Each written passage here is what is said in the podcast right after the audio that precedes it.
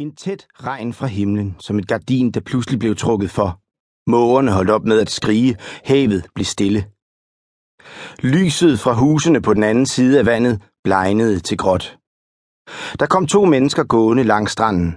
Hun var lys og tydelig i en grøn bikini, selvom det var i maj måned i Maine og koldt. Han var høj, livlig. Der brændte et lys i ham, som fangede blikket og holdt det fast.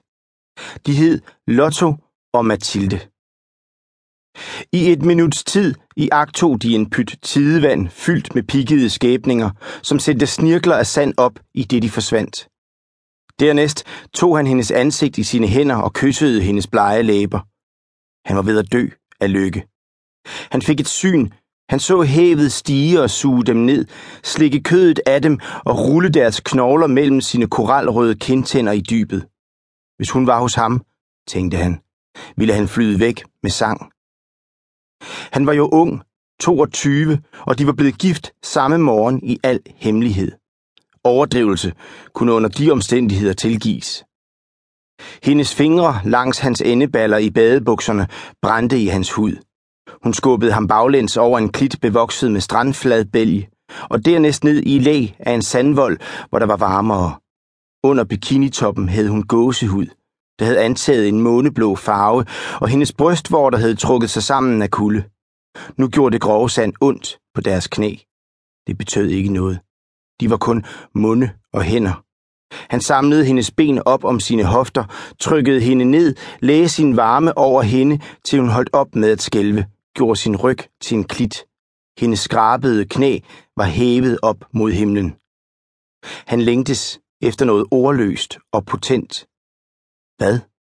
At iføre sig hende. Han forestillede sig at leve i hendes varme for evigt. Mennesker var hele hans liv faldet fra ham, en efter en som dominobrikker.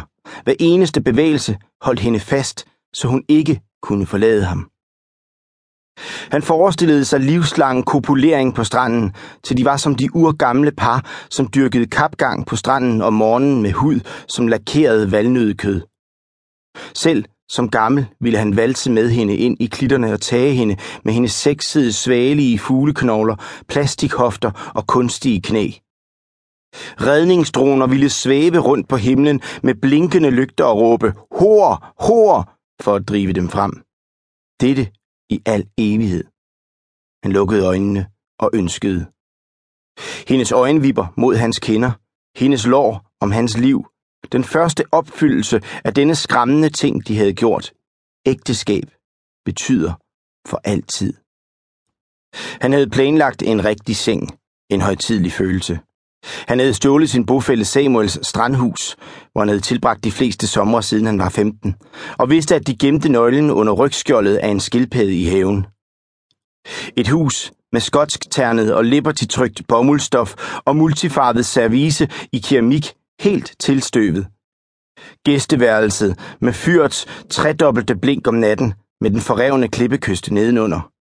Det var, hvad Lotto havde forestillet sig om første gang med den pragtfulde pige, han havde tryllet om til sin hustru. Men Mathilde havde ret i at stemme for en fuldbyrdelse under åben himmel. Hun havde altid ret. Det ville han snart erfare. Det var overstået. Alt for hurtigt. Da hun kom med sit udråb, var mågerne gemt bag klittens lavt hængende skyer. Senere viste hun ham hudafskrabningen fra en muslingeskal på sin 8. rygvivl, da han skubbede hende ned og ned. De var presset så tæt sammen, at de lå.